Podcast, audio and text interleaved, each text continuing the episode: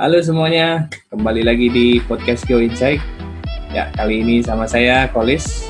Di episode sebelumnya nih kita udah bahas uh, tentang batu mulia nih di episode 32 bersama Gilab Pegadaian membahas apa itu batu mulia, kemudian uh, Gilabnya sendiri itu apa sih teman-teman yang belum dengerin nih, uh, kalau mau dengerin episode ini, uh, better dengerin dulu episode uh, 32 nih, karena ini lanjutannya dan kita bersama orang yang sama nih dengan sebelumnya dengan Mas Andi. Halo Mas Andi. Halo Mas nah, Olis. Sehat Mas. Alhamdulillah sehat. Gimana Mas Olis? Ya alhamdulillah sehat Mas. Sekarang di Jakarta lagi Aku... ketat ketat lagi nih PSBB Mas karena angka iya. COVID makin tinggi. Siap, ya Mas, siap, kita siap. ngelanjutin obrolan kemarin nih tentang Batu ya. Mulia kan. Uh, alhamdulillah antusiasnya juga uh, lumayan lah di episode kemarin itu untuk orang biar orang tahu apa sih uh, jilid yeah. dan batu mulia itu. Nah, aspek ekonominya dari batu mulia ini uh, gimana sih Mas? Apa aja gitu aspek ekonominya? Ah, aspek ekonomi ya. Kalau kita berbicara aspek apa aspek ekonomi itu sebenarnya uh, industri batu mulia itu mempunyai proses dari hulu ke hilir sehingga memberikan aspek ekonomi yang sangat tinggi. Kenapa saya bilang begitu? Karena kita bagi tiga tahap nih. Jadi pertama mulai dari proses tambang, proses lepideri atau penggosokan atau pemolesan, dan kemudian proses jual beli itu. Nah, proses tambang pertama yang di episode sebelumnya saya menjelaskan ada yang kita kenal dengan uh, proses primer dan secondary. Yeah. Nah, untuk yang primer itu ialah aktivitas untuk uh, melakukan penambangan langsung ke perut bumi. Nah, hmm. aspek ekonominya apa? Ya tentu kalau pengen primer berarti ada ekosistem yang dibangun, ada uh, tambang yang dibangun, uh, menggunakan beberapa saintis, misalnya teknik pertambangan, ahli-ahli teknik pertambangan, ahli geologi, sehingga uh, bisa membuka lapangan kerja baru itu kan aspek iya, ekonominya. Yeah, Jadi bayangin yeah. aja kalau misalnya di Kalimantan, misalnya hmm. di masa akan datang di Martapura, itu nanti misalnya uh, dari uh, melalui pendekatan ilmiah, ternyata di situ ada source yang sangat besar. Maka hmm. dibuatkanlah misalnya tambang. tambang. Tentunya kita mengundang investor lain. Otomatis kan membuka lapangan kerja yeah. yang baru. Nah, itu untuk dari sisi primary atau yang utama. Kemudian kalau tambang yang sekunder kan aktivitas tradisional. Ya mendulang. Mendulang. Nah, itu masih sering kayak di Martapura di Kalimantan kan masih sering itu masih mendulang. banyak ya. Jadi ya, jadi membuka lapangan kerja kepada masyarakat yang terdekat. Iya, penduduk sekitar dengan, gitu. Iya, penduduk hmm. sekitar. Itu baru satu satu satu tahap. Kemudian tahap berikutnya ada yang namanya proses lepideri atau penggosokan. Biasanya proses ini berdekatan dengan ini apa? Uh, tambang Nah, kita pernah lihat dulu waktu di Indonesia booming kan banyak yang tiba-tiba jadi ahli tambang dengan modal mesin mesin air bikin yeah. mesin gosok mm -mm. menerima batu menggosok digosok batunya kan membayar fee ya itu kan aspek ekonomi juga mas oh, iya, iya, artinya iya. membeli nilai tambah jadi bayangin aja kalau misalnya uh, dari proses tambangnya itu hidup. Uh, bagaimana dengan proses-proses penggosokan nah kembali tadi yang masalah tambang bahkan sampai saat ini mungkin Mas kalau misalnya uh, main sosmed atau apa biasanya hmm. atau YouTube biasanya kan masuk AdSense. Iya, biasanya yeah, itu Sarin. Sarin. Hmm. Sarin. Sarin itu salah satu eh, korporat terbesar uh, setelah The Beers Company yang memang uh, kerjanya yaitu uh, menambang uh, membangun ekosistem mulai dari hulu ke hilir itu. Hmm. Jadi tadi proses tambang, proses lepidary, kemudian yang terakhir ini penjualannya ya proses jual beli ya. Okay. Setelah itu ya itu tadi setelah barangnya sudah dipoles baik uh, yang dalam keadaan baku atau maupun yang belum itu nanti kan di set dari uh, membuat jewelry atau perhiasan misalnya. Hmm. Itu kan membutuhkan keterampilan khusus sehingga ya kita membutuhkan desainer, hmm. uh, peluang aspek ekonomi lagi. Yeah, yeah. Kemudian uh, bentuk baku. Setelah itu nanti dijualkan langsung ke marketplace offline Hmm, maupun hmm. online. Itu sih. Ya. Jadi kalau aspek ditanyakan aspek ekonomi dari Batu Mulia itu sebenarnya sangat ini sangat sangat tinggi. tinggi ya. Mm-mm. Kita berjalan dengan benar. Iya, Ya. Kalau tadi yang orang yang apa lapidary tadi menggosok itu ada ini nggak sih? Oh, kayak sertifikatnya jadi orang tuh eh, harusnya ada kemampuan bisa ini gitu. Atau dia cuman bisa asal gosok menggosok batu aja. Ya tergantung tadi, eh, tergantung juga dari proses tambangnya. Biasanya kalau proses tambangnya itu secondary itu kan ini apa eh, tradisional. Mm-mm. Biasanya juga proses penggosokan kan tradisional. Jadi biasanya itu otodidak atau misalnya turun temurun. Mm-mm. Nah kalau misalnya eh, yang dilakukan secara profesional, misalnya kayak the beer company itu mempekerjakan orang-orang yang memang sudah sertifikat peng- pengelolaan mesin potong misalnya. Oke. Itu kan motongnya ini proses cuttingnya kan eh, melalui proses yang ya. panjang dengan ya dengan quality control yang ini tentunya Mm-mm. ada manajemennya Ketat. itu membutuhkan sertifikasi juga. Jadi tergantung sih. Kalau ditanya ada ada keahlian khusus.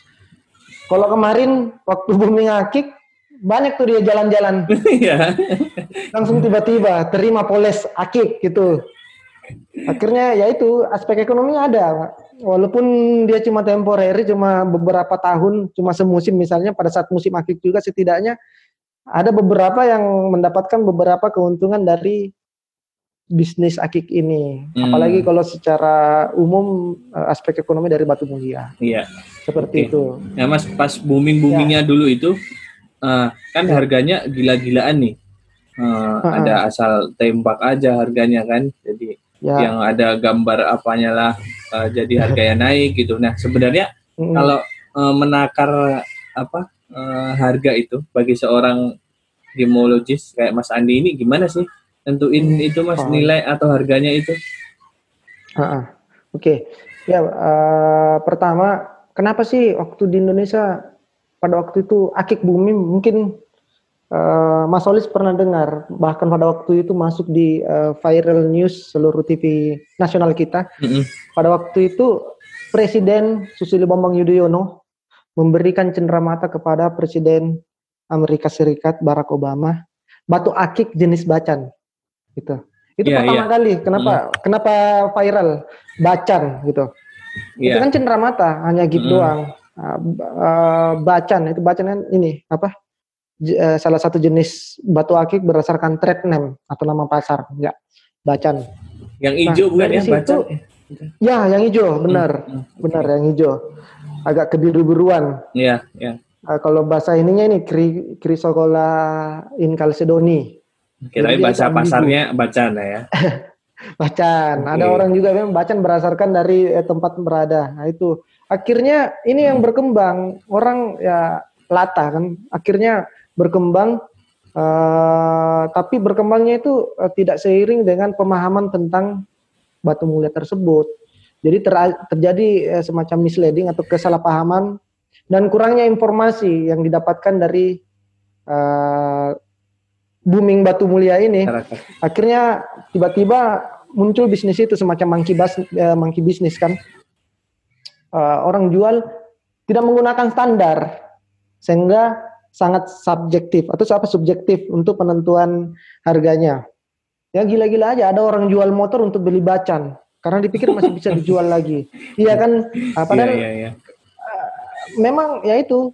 Yang namanya sesuatu yang musiman dan tidak berdasarkan eh, apa tidak berdasarkan standar penjualan itu memang ya itu tadi subjektif. Kalau misalnya Mas Solis bilang ini harganya 5 m saya cuma bilangnya 50 ribu ya memang nggak ada standar gitu. Sehingga yang beli tadi misalnya harganya udah jual rumah nih apa jual motor nih beli akik pada saat dijual ulang pada saat di pengen dibeli ternyata nggak sama. Nah menyambung pertanyaannya tadi apakah ada standar? Ada. Kita kenal kalau untuk berlian kita kenal namanya rapaport rapaport kalau misalnya color stone uh, color stone itu kita menggunakan gem guide.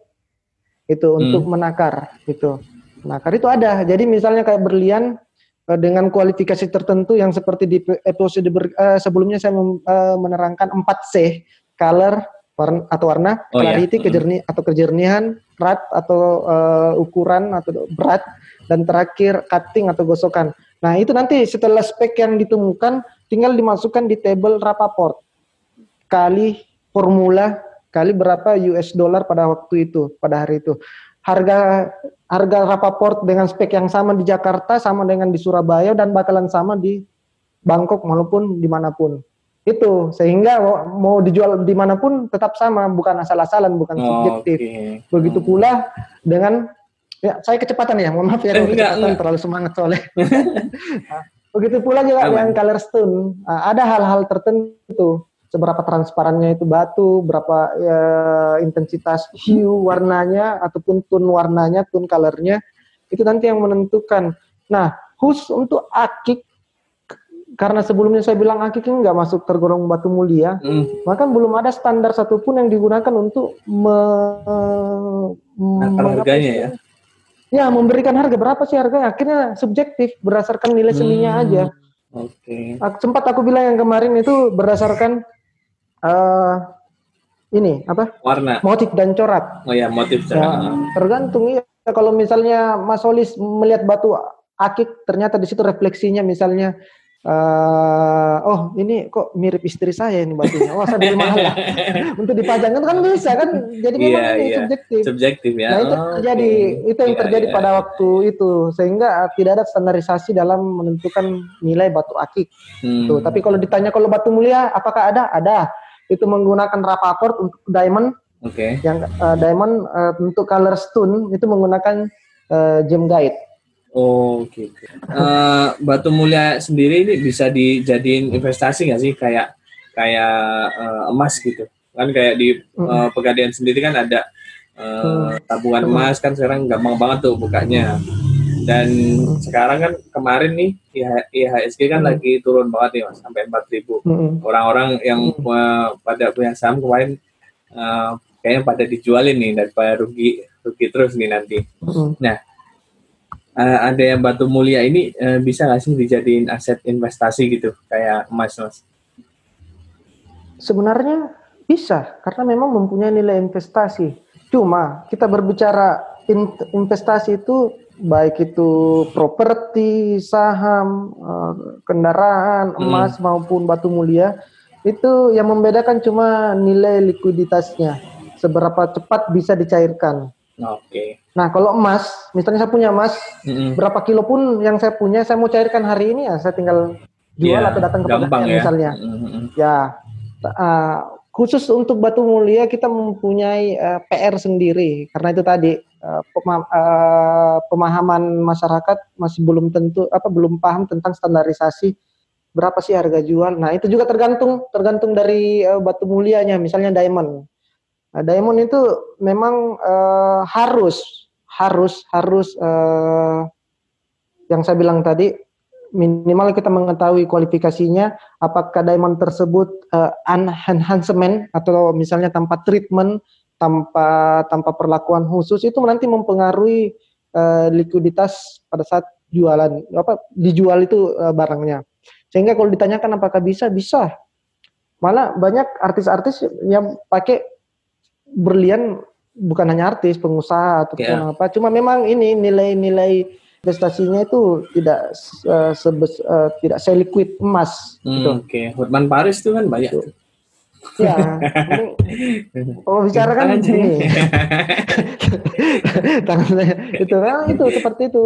Dan oh, kita punya pasar, Rapaport itu mengatur seperti itu. Nah, berangkat dari situ, kenapa kita berani menerima menerima eh, dalam hal ini hanya untuk uh, diamond aja, berlian aja karena itu. Mm -hmm. Kita tahu pasarnya. Pasarnya ada ya. Kita tahu pasarnya okay. ada. Menarik Mas kita bahas uh, tadi aspek ekonomi sama uh, gimana sih apa batu mulia ini bisa dijadiin aset ya walaupun nggak se liquidnya si mm -hmm. uh, investasi yang lain gitu, nggak mudah dicairin gitu kayak emas. Mm -hmm. Nah, kita balik ke itu mas uh, profesi gemologi sendiri gemologi lah mm -hmm. nah kemarin kan kita udah bahas tuh di Indonesia ini kan uh, masih sedikit orangnya apalagi yeah. di pegadaian juga sedikit orangnya mungkin. Ya. uh, sedikitnya ini karena berbanding lurus dengan uh, keterbukaan uh, pasar atau lingkungan kerjanya yang masih sedikit gitu nah yeah. prospeknya gimana sih sebenarnya di Indonesia ini mas atau udah ada plan belum sih misal di uh, G-Lab sendiri hmm. itu oh tahun ini ada berapa orang yang di sekolahin, tahun depan hmm. berapa, jadi bisa tahu oh berapa nanti jumlah uh, gemologisnya ada tambah berapa sih hmm. gitu. Hmm. Jadi kalau ditanyakan prospek gemologi sebenarnya ya kalau untuk di perusahaan kita ya kita bicara internal dulu ya. Yeah. Kalau di perusahaan kita itu bakalan akan ada apa akan mengkader terus, akan mengkader terus karena memang selain untuk kebutuhan kebutuhan internal kita memang uh, kita butuh itu mm. untuk mendukung apa support uh, core bisnis kita. Tapi kalau dicara, ditanyakan prospek gemologi secara keseluruhan, misalnya pada umumnya di Indonesia memang sangat sangat sangat ini apa? sangat bagus karena ya itu tadi masih kurang masih kurang profesi gemologis apalagi lab. Nah, untuk bagaimana sih untuk uh, menciptakan bagaimana supaya uh, ekosistem ini ada ya itu tadi kita pegadaian dalam hal ini Jilep itu sampai saat ini masih terus gencar-gencarnya melakukan edukasi terhadap hmm. masyarakat bahwa ini loh batu mulia, hmm. bahwa ini loh pentingnya kita mengetahui batu mulia. Kemudian kita selalu um, sosialisasi termasuk mendukung segala bentuk uh, apa pun itu yang bisa membuat masyarakat tahu lah ya. Ya, uh, hmm. ya minimal bisa kembali seperti kemarin lagi ya, booming, ya. tapi hmm. benar-benar hmm. booming batu mulia. Ya, bukan gitu. hanya uh, tanpa pengetahuan yang jelas ya. Ya itu, dan fungsi kami di situ. Makanya apa pun kegiatan itu yang berhubungan, ayo. Pameran-pameran ada nggak sih mas? Sering. Oh sering ya? Sering, okay. sering, hampir tiap tahun. Misalnya kayak di Surabaya nih tempat saya, itu hmm. kita kenalin apa Surabaya Jawarli Fair. Jadi oh, diadakan okay. setiap tahun. Baru kali tahun ini nggak diadakan hmm. karena bertepatan dengan pandemi. Oh, Tapi sebelum-sebelumnya itu sering ada. Cuma itu tadi masih skupnya dalam bentuk kecil, masih hmm. masih dalam apa orang yang ikut hanya orang-orang tertentu dan itu itu oh, aja. Ya, oke. Okay, okay. Ya, yang yang pengen kita pengen kita buka itu tadi aspek ekonominya kan tinggi banget nih. Yeah. Makanya kita mendorong gimana supaya pasar batu bisa berkembang lagi mm-hmm. dengan Lagi lebih dulu kan di luas. Jakarta tuh kan sempat beberapa mall dijadiin kayak pasar ini uh, ya. mallnya disulap jadi mall khusus jual jualan batu doang tuh. Iya. Okay. Iya, benar. Biar hidup lagi kayak apa? Ya kayak Blok M terus di Jatinegara, ya. Jatinegara di apa lagi Season City ya, kan banyak gitu Ya, ya, di Tamini ya. Square ya. banyak banyak memang memang pada hmm. waktu itu uh, membutuhkan ini nah bayangin aja kalau misalnya di masa akan datang setiap mall ada seperti itu itu bisa nah, itu tadi yang saya ya? bilang ber, hidup hmm. lagi sehingga prospeknya lebih bagus dan yeah. tentunya ini eh, yang aspek ekonomi yang kita mm-hmm. bicarakan tadi itu itu pasti akan lebih lebih real kita lihat dan semakin tinggi. Oke, jadi emang uh, gemologi sendiri masih prospeknya masih bagus ya di Indonesia mas ya? Iya. Okay. Dan rare, yeah, masih sangat yeah, langka. Dan rare gitu. Nah terus uh-uh. uh, si pegadaian sendiri mas gimana sih awalnya? Uh, bermain di gemologi ini atau uh, di G-Lab ini terus apakah karena melihat banyaknya orang Indonesia yang apa menggadaikan hmm. uh, ada uh, batu mulianya atau uh, yeah. emasnya gitu jadi hmm. mereka terpikir untuk wah buka aja lah uh, G-Lab gitu yeah. kita investasi besar-besaran nih di gemologi kan hmm. istilahnya kan hmm. sekarang begadian mm, banyak investnya banyak juga kan ya mas karena menyekolahkan ya. itunya keluar gitu. Ya, ya benar. Jadi yang seperti dibahas di episode sebelumnya, itu kan kita sudah latar belakang nih. Kenapa sih latar belakang ya? Karena memang untuk mendukung core bisnis. Tapi terlepas dari itu, memang uh, gemologis yang uh, sebagai nilai tambah itu mempunyai keistimewaan untuk uh, membuat memo. Nah, pertanyaannya mungkin yang saya bisa tangkap, kenapa sih pegadaian tertarik gitu karena kami menganggap belum ada belum ada di Indonesia uh, laboratorium yang benar-benar mempunyai SDM yang bagus sekaligus alat yang bagus. Kalau SDM mungkin ada, mungkin ada beberapa gemologis-gemologis senior kita di luar pegadaian pun banyak. Cuma itu tadi, ya ibarat ibarat dokter, dokter yang ahli, yaitu mempunyai uh, butuh alat dan tem akan tempat sangat yang tepat efektif ya. jika didukung oleh rumah sakit yang tepat gitu. Yeah, rumah yeah. sakit yang mempunyai alat-alat yang tepat, alat-alat yeah. yang canggih. Nah, mm -hmm. itu tujuan kita. Nah, untuk uh, kita pengennya nih apa menjawab keinginan masyarakat atas hadirnya sebuah laboratorium yang independen, objektif. Ya makanya kita kenapa tidak gitu? Kita yeah, iya. investasi yeah. besar-besaran di situ. Mm-hmm. Karena ya itu tadi belum ada istilahnya gini. Eh, gemologi meet teknologi. Gitu. Okay. Jadi gemologinya ada, teknologinya ada. ada. Itu nanti menghasilkan ya dengan visi misi tadi yang saya bilang karena prospek gemologi itu sangat besar, makanya kita selalu mendorong dengan menghadirkan alat-alat yang bagus disertai dengan uh, eh, SDM yang qualified gitu hmm, mas. Hmm. Nah si Jilabnya sendiri ada udah berapa tahun ya mas? Lupa aku. Dari dari sebenarnya yang betul-betul yang uh, profesional itu 2016. Oh, Oke. Okay. Terus kemudian di alat advance itu 2018 ke atas. Jadi sebenarnya kalau game apa dari 2012 sudah ada sih. Mm-hmm. Tapi yang benar-benar pada saat booming batu itu oh, benar-benar secara okay. masif kita membentuk ini. Dan kenapa kita ya memang belum ada gitu, apalagi BUMN yang milik pemerintah. Iya, milik pemerintah. Ya. Akhirnya kita membentuk itu. Nah, Jilep pun sekarang mungkin yang menjamin uh, selain mempunyai peralatan canggih Indonesia, kita ada jaminan kualitas pelayanan melalui ISO 9001 ISO 9001 itu kan ada jaminan jadi kita memberikan pelayanan yang terbaik jadi sisi manajemen mutu kemudian yeah. uh, qualified uh, sumber daya manusia mm -hmm. dalam hal ini gemologis gemologisnya kemudian uh, didukung oleh ya. alat-alat advance tentunya bisa menciptakan satu konklusi atau hasil yang terbaik dalam hal jasa sertifikasi. Hmm, ya, ya. Gitu, apalagi mas. kalau untuk uh, punya negara, uh, kan Mas Andi pernah cerita juga uh, pernah uh, apa bisa jadi kayak saksi-saksi ahli gitu ya Mas. Ya. ya? Kalau ada kasus-kasus yang pernah. Uh, misalkan ada pencucian uangnya larinya mm. ke batu-batu uh, nih, berapa sih sebenarnya harga dari uh, batu mulia ini gitu ya Mas ya? Ya, ya itu pernah mungkin kita bicara yang tapi off the record kayaknya pada waktu itu. Oh iya, nah, ini, benar. Tuh, ya. Jadi itu tadi selain untuk uh, internal kita juga melakukan eksternal, eksternal support. Dalam hal ini kepada instansi-instansi pemerintahan. Misalnya yaitu tadi KPK. Mm -hmm. Kejaksaan tinggi, apa kejaksaan negeri, uh, kejaksaan agung, baik tingkatan mulai dari kejaksaan negeri tinggi sampai tingkat pusat. Kemudian okay. uh, eh, Polri, yeah. Kepolisian Republik Indonesia, kemudian Bea Cukai, Bea Cukai ya? Imigrasi, yeah. DJKN dan lain-lain itu membutuhkan jasa kita.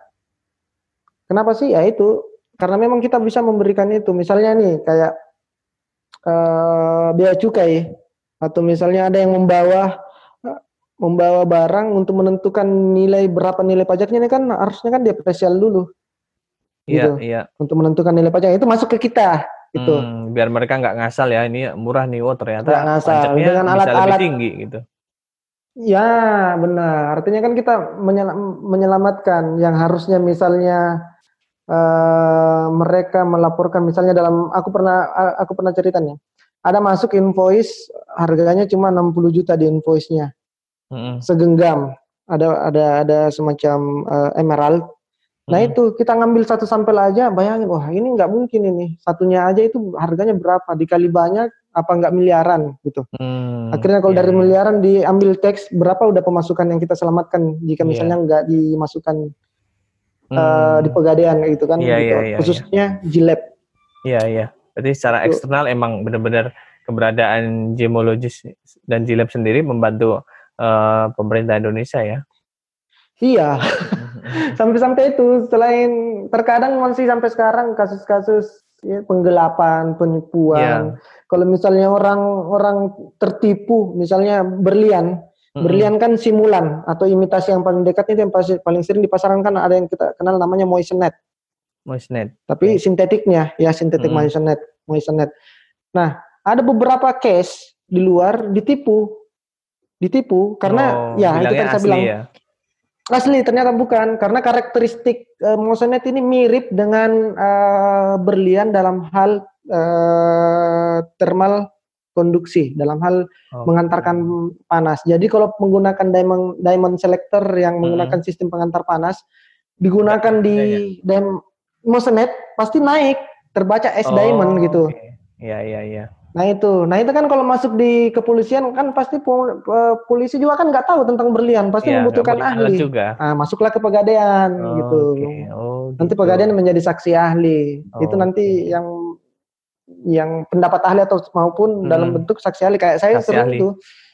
Sering, sering jadi saksi ahli ya. Kemudian Ya, kalau sering berurusan dengan polisi, sering, sering banget. Okay. Baik di tingkat apa penyidikan di tingkat kepolisian maupun nah. langsung di uh, litigasi di oh, proses okay. penyidikan tingkat apa uh, kejaksaan di pengadilan. Mm -mm. Biasanya juga hakim manggil hanya untuk melihat itu, meyakinkan hakim bahwa memang uh, apa yang kita uh, pendapat yang kita saksikan memang benar-benar sesuai dengan keilmuan kita gitu. Oke oke oke. Nah mas, pas ya. dari tadi kan udah di labnya dari 2012 ya, terus mungkin 2014 kan waktu itu kan. Ya. Dan nah itu eh, apa sih ada cerita unik gak sih waktu selama di G-Lab gitu dari customer customernya gitu, misalkan eh, bawa batu yang seperti apa untuk diteliti gitu. Uh, kalau Ada unik sih cerita banyak unik sih sebenarnya. Dari segi ini, kalau misalnya ada nasabah datang, misalnya hmm. Mas, aku nih pengen identifikasi. Oh iya, uh, ini Mas, aku dapatnya dari mimpi nih. Oh, aku kaget juga, dapat dari mimpi. Maksudnya gimana? Kan ibu tidur, terus misalnya kan gitu kan atau bapak ya, tidur, bener. gimana cara dapatnya? aku merem doang tiba-tiba ada aku nangkap gitu. Tapi kan ya kita cuma mendengarkan aja walaupun yeah. apa kita kan pendekatannya ilmiah. Yeah. Itu itu cerita uniknya. Jadi uh, biasanya uh, batu mulia itu identik dengan cerita-cerita mistis. Itu salah satu cerita apa hmm, uniknya. Tapi mereka bawa batunya ke situ. Iya, batu. Terus setelah diteliti batu apa tuh? Kebanyakan. Biasa pecahan botol, gelas. itu macam-macam itu. Oh, uh, gitu. Paling banyak ini apa uh, sintetik cubic zirconia yang memang paling sering digunakan untuk uh, di jewelry set hmm. itu untuk oh, digunakan ornamen-ornamen macam-macam. Apalagi ya cerita unik? Ada yang tiba-tiba eh, perilaku perilaku customer kita tiba-tiba uh, uh, langsung di depan di depan meja waktu disampaikan oh ini bukan berlian langsung mencak-mencak apa macam-macam. Macam-macam lah ininya. Langsung stres sendiri oh kok ini bisa gini? Itu. Kalau dari ada juga yang ini cerita unik. Pernah pernah sesekali itu waktu saya di Jakarta apa di Jakarta. Hmm. Uh, ada di daerah Sulawesi Selatan katanya ini apa uh, berlian peninggalan dari zaman VOC itu Duh, itu kan wah kok bisa uh, begini. Nah, seperti seperti itu dibungkus uh, dibungkus dengan cerita-cerita gitu. Oh. Ya.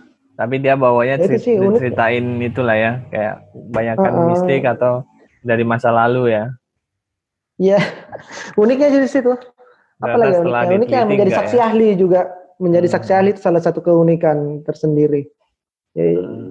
jadi saksi ahli. Ya, keahlian kita kan ini kan kita masih dalam proses belajar ya yeah. yang mengatakan kita ahli ya dari tempat kita sekolah. Iya, gitu. iya, iya. Karena ada udah di certified ini lo ahli. Nah, benar. Ya, ya, ya. Jadi kalau okay. bilang oh, aku mengaku ahli bukan kita mengaku, kita proses belajar. Ya, masih ya. belajar sampai saat ini. Benar. Bukan berarti saya lebih apa kita yang di pegadaian gemologisnya itu eh, bagaimana ya, yang paling paling sultan atau paling tahu, ya. tingkat dewa iya hmm. kita nggak tahu ini masih proses semua kok. Iya, iya, iya. Oke, Mas Andi, thank you banget buat uh, obrolannya kali ini menyambung. Uh -uh. Ya, jadi teman-teman yang mau Siap. dengerin nih di episode ini sayang banget kalau nggak dengerin gimana uh, prospek uh, Batu Mulia kemudian Jembologi sampai uh, kenapa sih uh, si Pegadaian punya uh, bisnis uh, di G-Lab ini gitu ya Mas ya. Dan tentunya tadi cerita-cerita uh, jadi gemologis itu bisa jadi uh, saksi ahli, kemudian bisa uh, keberadaannya juga bisa membantu menyelamatkan uang negara gitu kan. Ya. Oke, jangan lupa teman-teman dengerin juga episode sebelumnya, episode 32 uh, tentang Kalau bisa pengenalan episode batu mulia. mulai dari di bawah 32, 31, Oh 30. iya. Episode Soalnya kan satu, eh, iya. Iya, Dan, ya, melihat melihat segala permasalahan dari ilmu kebumian itu Oh, nggak ada iya. salah itu. Harus Iya, kita benar, Mas. tetap harus membaca apalagi ke insight itu keren Iya. gitu.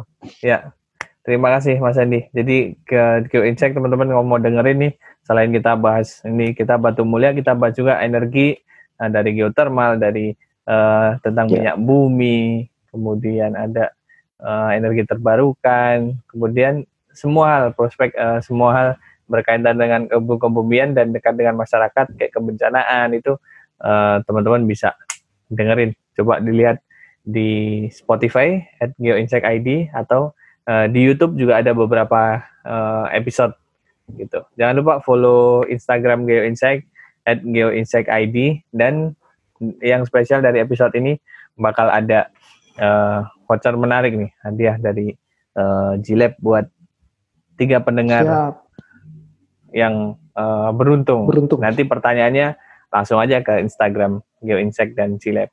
Oke, Mas Andi, thank you atas Ya. waktunya. Thank you. Ya, assalamualaikum. Sama-sama. Waalaikumsalam warahmatullahi wabarakatuh.